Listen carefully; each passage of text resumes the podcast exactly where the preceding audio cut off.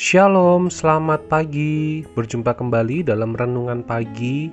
Mari kita bersyukur pada Tuhan untuk kehidupan yang masih Tuhan berikan bagi kita. Kesempatan kita boleh menjalani satu hari lagi kehidupan kita di hari ini. Mari bersama-sama kita mengawali pagi kita dengan renungan firman Tuhan. Mari kita perhatikan dari surat 1 Petrus pasal yang ketiga, ayat yang ketiga dan keempat. 1 Petrus 3 ayat 3 dan 4 Perhiasanmu janganlah secara lahiriah, yaitu dengan mengepang-epang rambut, memakai perhiasan emas, atau dengan mengenakan pakaian yang indah-indah. Tetapi perhiasanmu ialah manusia batiniah yang tersembunyi dengan perhiasan yang tidak binasa, yang berasal dari roh yang lemah lembut dan tenteram, yang sangat berharga di mata Allah. Dalam bagian ini, Petrus mengingatkan kembali untuk para wanita, untuk para istri-istri secara khusus mereka yang sudah percaya kepada Kristus. Petrus bukan melarang wanita untuk memakai perhiasan, tetapi jangan sampai wanita itu kebingungan karena memikirkan perhiasan yang dipakainya. Jangan sampai memfokuskan dirinya pada perhiasan-perhiasan yang tampak secara lahiriah. Jangan menampilkan kecantikan itu dengan perhiasan, tatanan rambut maupun pakaian saja.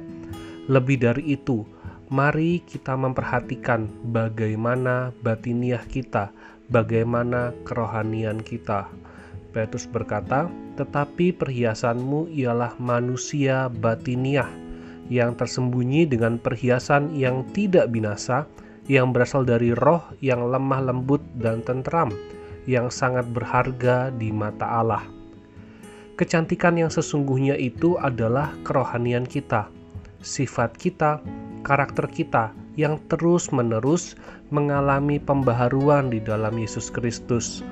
Dan itu bukanlah sesuatu yang kita kenakan dan juga tidak tampak di dalam bayang-bayang cermin. Karena perhiasan itu adalah kita.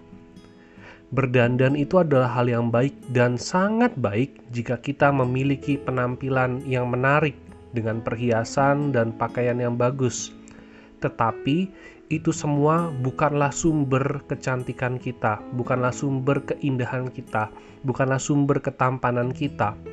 Karena kecantikan yang sesungguhnya itu tidak dapat pudar oleh waktu. Justru semakin hari semakin indah dan jauh lebih berharga dari perhiasan, gaya rambut, maupun pakaian. Petrus menjelaskan di sini mengenai keindahan yang sesungguhnya itu muncul di dalam kelemah lembutan dan ketentraman. Lembah lembut itu bukan perilaku yang lemah dan lembut, tetapi mengenai sikap hati yang peka dan peduli, serta mengerti perasaan dan orang lain. Tetapi juga lembut, tidak kasar, memiliki ketegasan dan memiliki prinsip, tetapi tidak menyakiti dan menyinggung orang lain, sehingga di mana pun berada akan membawa ketentraman, akan membawa kenyamanan dan kedamaian bagi orang-orang sekitarnya. Inilah perhiasan kita, batiniah atau kerohanian yang baik, yang berharga dan indah di hadapan Tuhan. Inilah yang membuat orang lain melihat dan merasakan bagaimana kehidupan kita sebagai anak-anak Tuhan, keberadaan kita, perkataan kita, perilaku kita, tanggapan kita, itu semua diperhatikan oleh orang-orang di sekitar kita. Dan ketika kita memiliki perhiasan yang berharga, perhiasan yang begitu mahal, yang tak lekang oleh usia dan waktu, itu akan menjadikan kita saluran untuk menyatakan kemuliaan Tuhan bagi orang-orang di sekitar kita dan akan membawa mereka untuk hidup juga di dalam Tuhan Yesus Kristus. Mari kita menjadi perhiasan yang indah. Mari kita mengizinkan Tuhan untuk bertahta dan memimpin hidup kita, memperbaharui dan memperbaiki diri kita, menjadikan kita pribadi yang lemah lembut dan memberi ketentraman di dalam diri kita maupun melalui keberadaan kita kita membawa ketentraman bagi sesama. Karena kita indah di hadapan Tuhan bukan karena pakaian, perhiasan maupun penampilan kita, tetapi karena ada Kristus di dalam kita dan kita di dalam Dia. Mari kita berdoa. Bapa di surga, kami sungguh mengucap syukur dan terima kasih untuk kesempatan pada hari ini kami boleh merenungkan firman-Mu. Kami boleh diingatkan kembali ya Tuhan apa yang penting dalam kami menjalani kehidupan kami sebagai anak-anak-Mu. Bukanlah apa yang tampak secara lahiriah, bukan apa yang tampak dari mata jasmani kami, tetapi biarlah kehidupan kami ya Tuhan boleh dilihat dan dirasakan oleh sesama kami. Biarlah kami ya Tuhan boleh menjadi satu perhiasan yang indah, yang berharga di hadapan-Mu.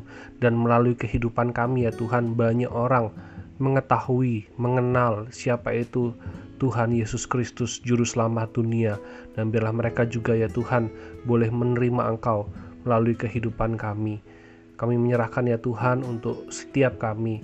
Pakailah hidup kami ya Tuhan untuk menjadi saluran pemberitaan kasih Tuhan melalui pekerjaan kami, melalui kehidupan kami berumah tangga, melalui kehidupan kami dalam kami bergaul dengan teman-teman kami, melalui pelayanan-pelayanan yang Kau percayakan untuk kami kerjakan. Biarlah itu semua ya Tuhan, melalui kehadiran kami, Engkau memimpin kami untuk menjadi pribadi yang lemah lembut dan kami boleh membawa ketentraman di mana pun kami berada. Kami juga menyerahkan ya Tuhan untuk kehidupan kami di hari ini. Biarlah Engkau yang memimpin, yang menolong dan memampukan kami untuk kami boleh menjalani setiap aktivitas dan pekerjaan kami seturut dengan kehendak-Mu dan memuliakan namamu. Terpujilah Engkau ya Bapa, di dalam nama Tuhan Yesus kami berdoa. Amin. Selamat pagi, selamat beraktivitas. Tuhan Yesus memberkati.